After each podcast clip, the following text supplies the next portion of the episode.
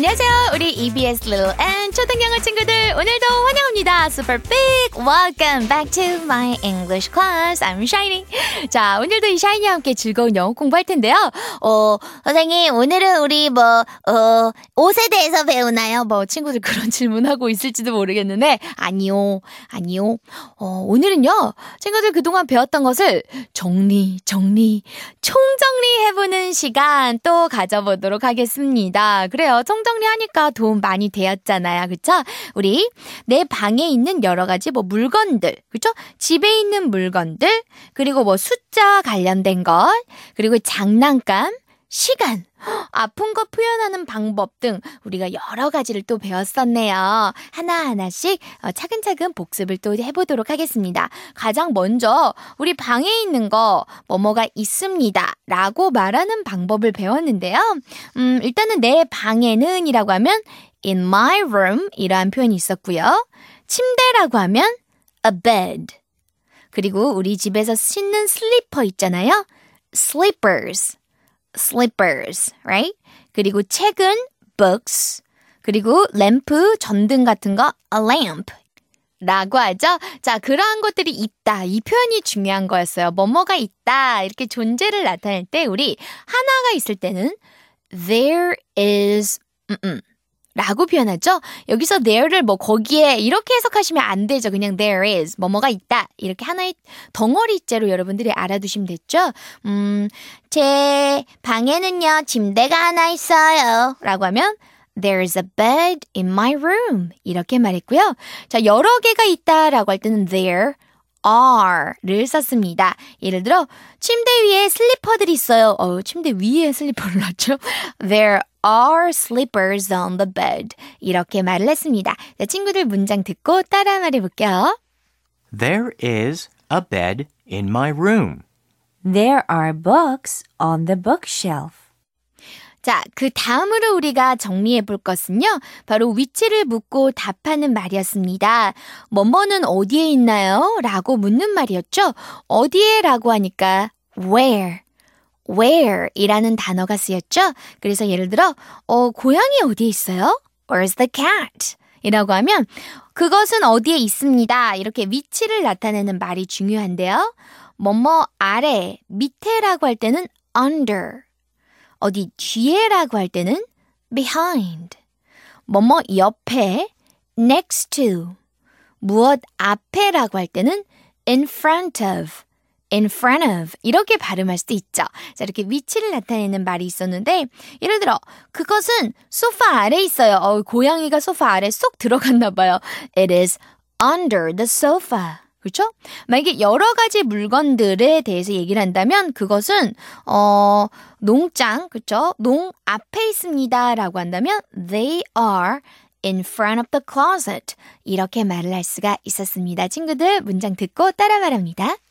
Where is the cat?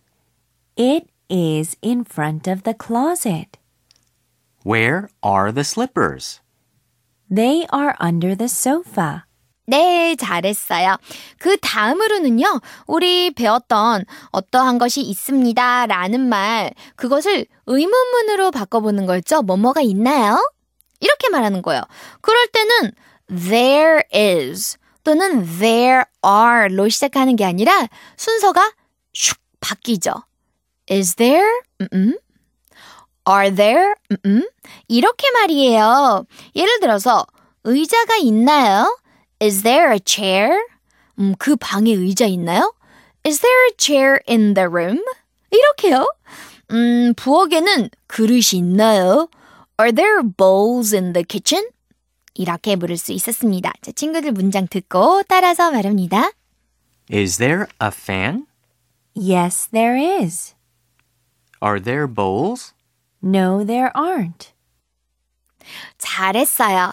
그 다음으로 우리 숫자 관련된 것을 배웠는데요. 어, 얼마나 많은 무엇이 있습니까? 뭐 이렇게 얼마나 많은 이라고 질문을 할 때는요. How many 음, 음. How many flowers? 그렇죠? 뭐 How many frogs? 이런 식으로 질문을 할 수가 있었습니다. 그래서 숫자 여러분 잘 기억하는지 모르겠어요. 음, 10개면 10, 20개면 20, 30개면 30, right? 그리고 예를 들어서 25개면 25. 이렇게 다양하게 표현하는 것을 배웠었잖아요. 어, 얼마나 많은 나비들이 있나요? How many butterflies are there? How many butterflies are there? 어, 어, 나비가 30마리가 있습니다. There are 30 butterflies. 이렇게 묻고 답하기 배웠습니다. 친구들 듣고 따라합니다. How many butterflies are there? There are 30 butterflies. How many worms are there? There are 10 worms.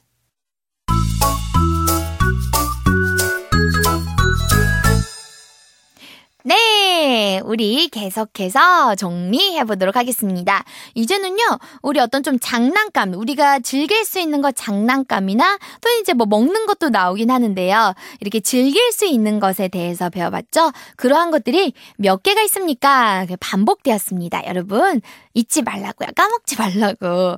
음, 예를 들어서, 연, 연 날리기 좋아하시죠? kites, kites. 하늘에 있는 연, kites in the sky. 상자 안에 있는 그 풍선들 하면요. balloons in the box. 그리고 바구니에 있는 과일 여러 가지 종류. fruits in the basket. 그리고 당신 주머니에 있는 구슬. beads in your pocket. 이러한 표현들을 배웠습니다. 음, 하늘에 연이 몇 개나 있니? 자, 셀 수 있는 것의 개수 부를 때 우리 how many로 시작한 댔죠? How many kites in the sky? How many kites in the sky? 그냥 간단하게 하는 거고요. 어, 딱 정식적으로 묻는다면 How many kites are there in the sky? How many kites are there in the sky? 또는요. How many kites are in the sky? 이렇게 물어봐도 되겠죠. 자, 친구들, 우리 문장 듣고 따라서 말합니다. How many balloons are in the box?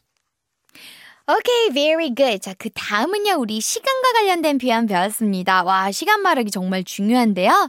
어, 몇 시 정각을 뜻할 때 우리가 이제 몇 시 o'clock 이렇게 얘기를 했죠. 예를 들어 10시 하면 10 o'clock. 그리고 점심 보통 먹는 정오는 noon 이라는 단어가 있었고요. 5시 30분 하면 이제 시간부터 5, 32, 30, 5.30. 그리고 오전 10시 25분 뭐 이렇게 오전이라는 것을 꼭 밝혀야 된다면 뭐 10:25 a.m. 이렇게 말을 할 수가 있었습니다. 자, 몇 시입니까? 라고 할 때 What time is it? 이라는 질문도 있었죠.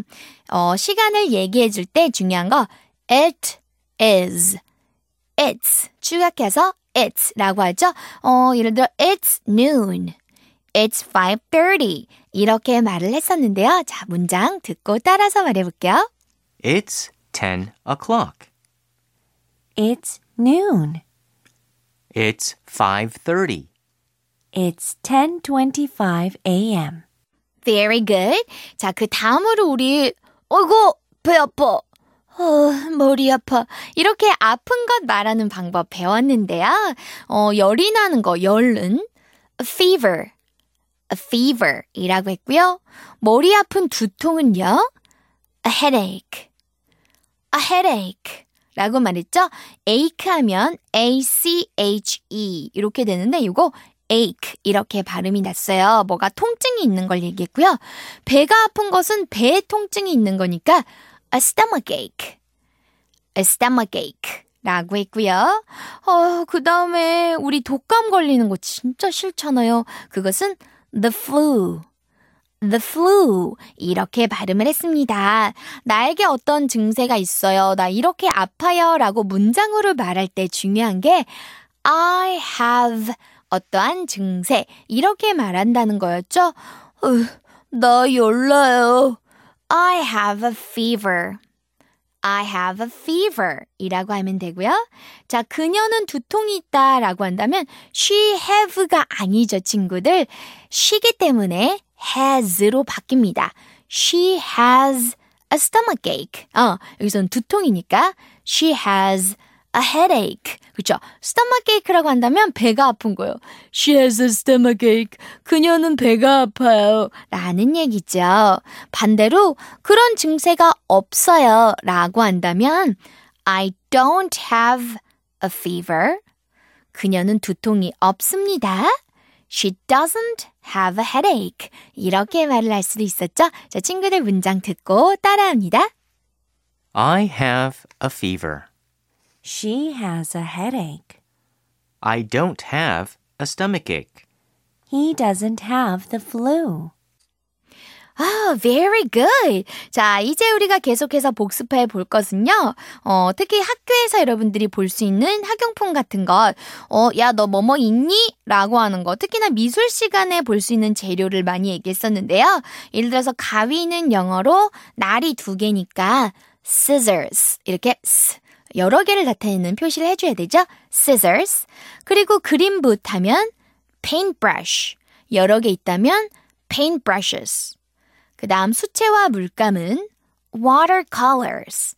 그리고 팔레트 여러분 많이 쓰시죠? palette. 자, 이러한 단어들이 있었습니다. 너 그거 가지고 있니? 라고 질문을 하는 거 배웠는데요. 자, 묻고 있기 때문에 do you have 음, 음? 이렇게 얘기를 했죠? 야, 너 가위 있냐? Do you have scissors? Do you have scissors? 이렇게 물었죠? 만약에 그나 그녀에게 묻는다면 do로 시작하는 게 아니라 does로 시작했죠. Does he have scissors? Does he have scissors? 그는 가위가 있나요? 라는 말인데요. 자, 우리 문장 듣고 따라서 말합니다. Do you have paintbrushes? Does she have watercolors? Does he have scissors?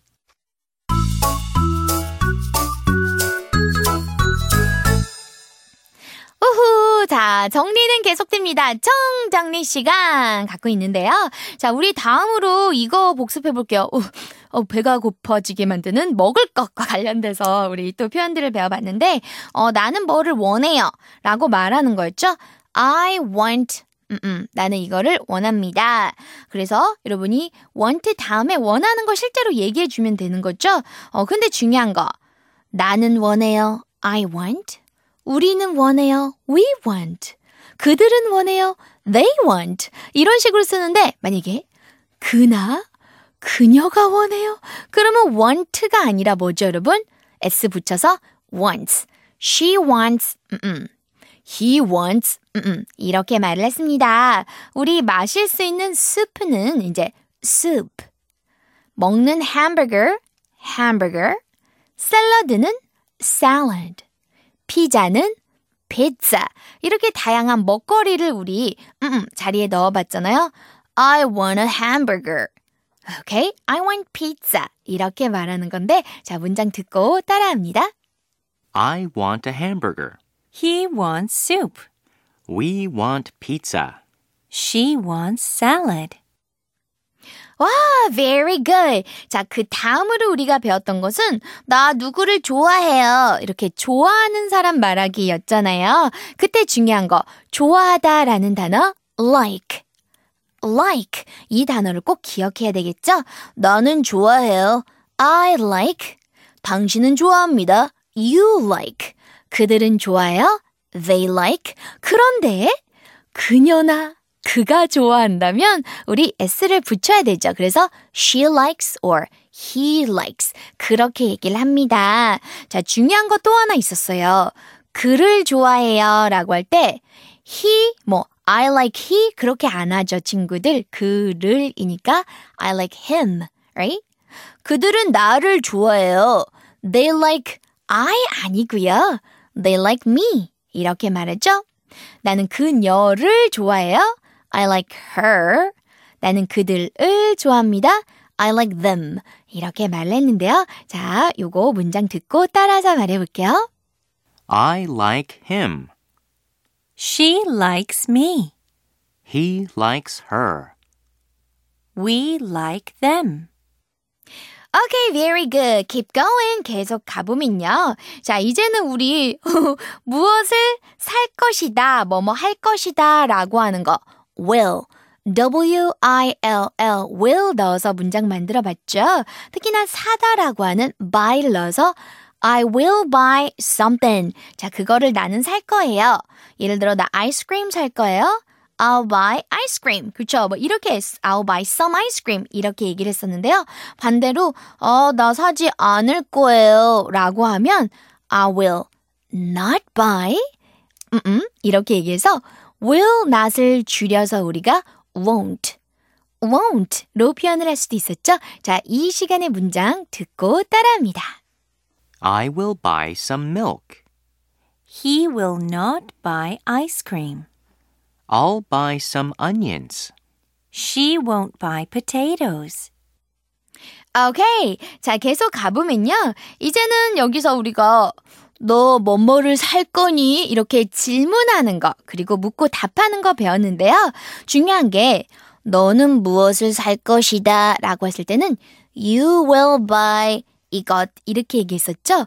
그런데 뭔가를 묻는 경우라면 you will 아니고 순서 바꿨어요. Will you buy 음, 음? 당신 이거 살 건가요? 라고 물었죠. 네, 살 거예요. 라고 한다면 Yes, I will. 아니요, 안 살 건데요. 한다면 No, I won't.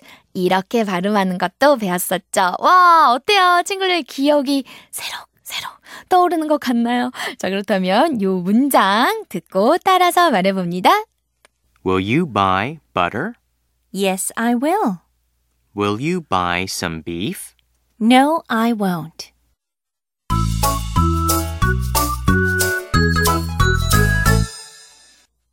우후! 자, 친구들 이렇게 총정리 시간 가져봤는데요. 우리 EBS Little N 초등 영어는 여러분과 늘 함께 하죠. 우리 홈페이지에 이제 청취자 그 질문, question 들어왔어요. 어떤 질문인지 여러분 한번 살펴볼까요? 안녕하세요. 저 EBS 리틀 앤 초등영어 애청자예요. 제가 공부하다가 좀 궁금한 게 있어서 질문을 올립니다. 우리 배가 아픈 거 복통을 영어로 stomach ache라고 하셨죠. 머리가 아픈 것은 headache 라고 하셨는데요. 스펠링을 끝부분을 보면 A-C-H-E 인데, 어? C-H 하면 원래 발음이 치, 이런 발음 아닌가요? 그런데 왜 ache라고 발음하는 거예요? 어, 이런 질문이었습니다. 어, 너무 좋은 질문이라서 여러분들께 다 이제 소개해드리고 싶었는데, 좋아요. A, 어, CH가 대부분은 치, 치, 발음 나는 거 맞아요. 그죠? 예를 들어서 우리 의자는 chair. 그죠? C-H-I-R. A-I-R, C-H-A-I-R 해서 chair. 이렇게 얘기하고, 뭐, 여러 가지가 있죠. 뭐, chain, 이런 경우도 그렇고요. 그런데, CH가 100%다 치 소리가 나는 건 아니랍니다. 바로 여기처럼 크 소리가 나는 경우도 있어요. 예를 들어서 친구들, 우리 크리스마스 여러분 아시죠? 그거 스펠링 CH로 시작하거든요. 근데 추리스마스라고 안 하고 크리스마스라고 하잖아요. 그리고 성가대 노래하는 것도 choir이라고 안 해요. C-H-O-I-R인데 choir 안 하고 choir 이렇게 발음하거든요. 그래서 CH가 ch 사운드로도 발음이 되지만 단어에 따라서 크 사운드가 난다라는 것도 기억해 주시면 좋겠습니다. stomachache, headache 같이 알아두시면 좋을 것 같아요. 자, 이렇게 해서 우리 총정리하는 시간 가져봤습니다. 친구들 집에서 더 많이 많이 연습해 주세요. See you next time. Bye!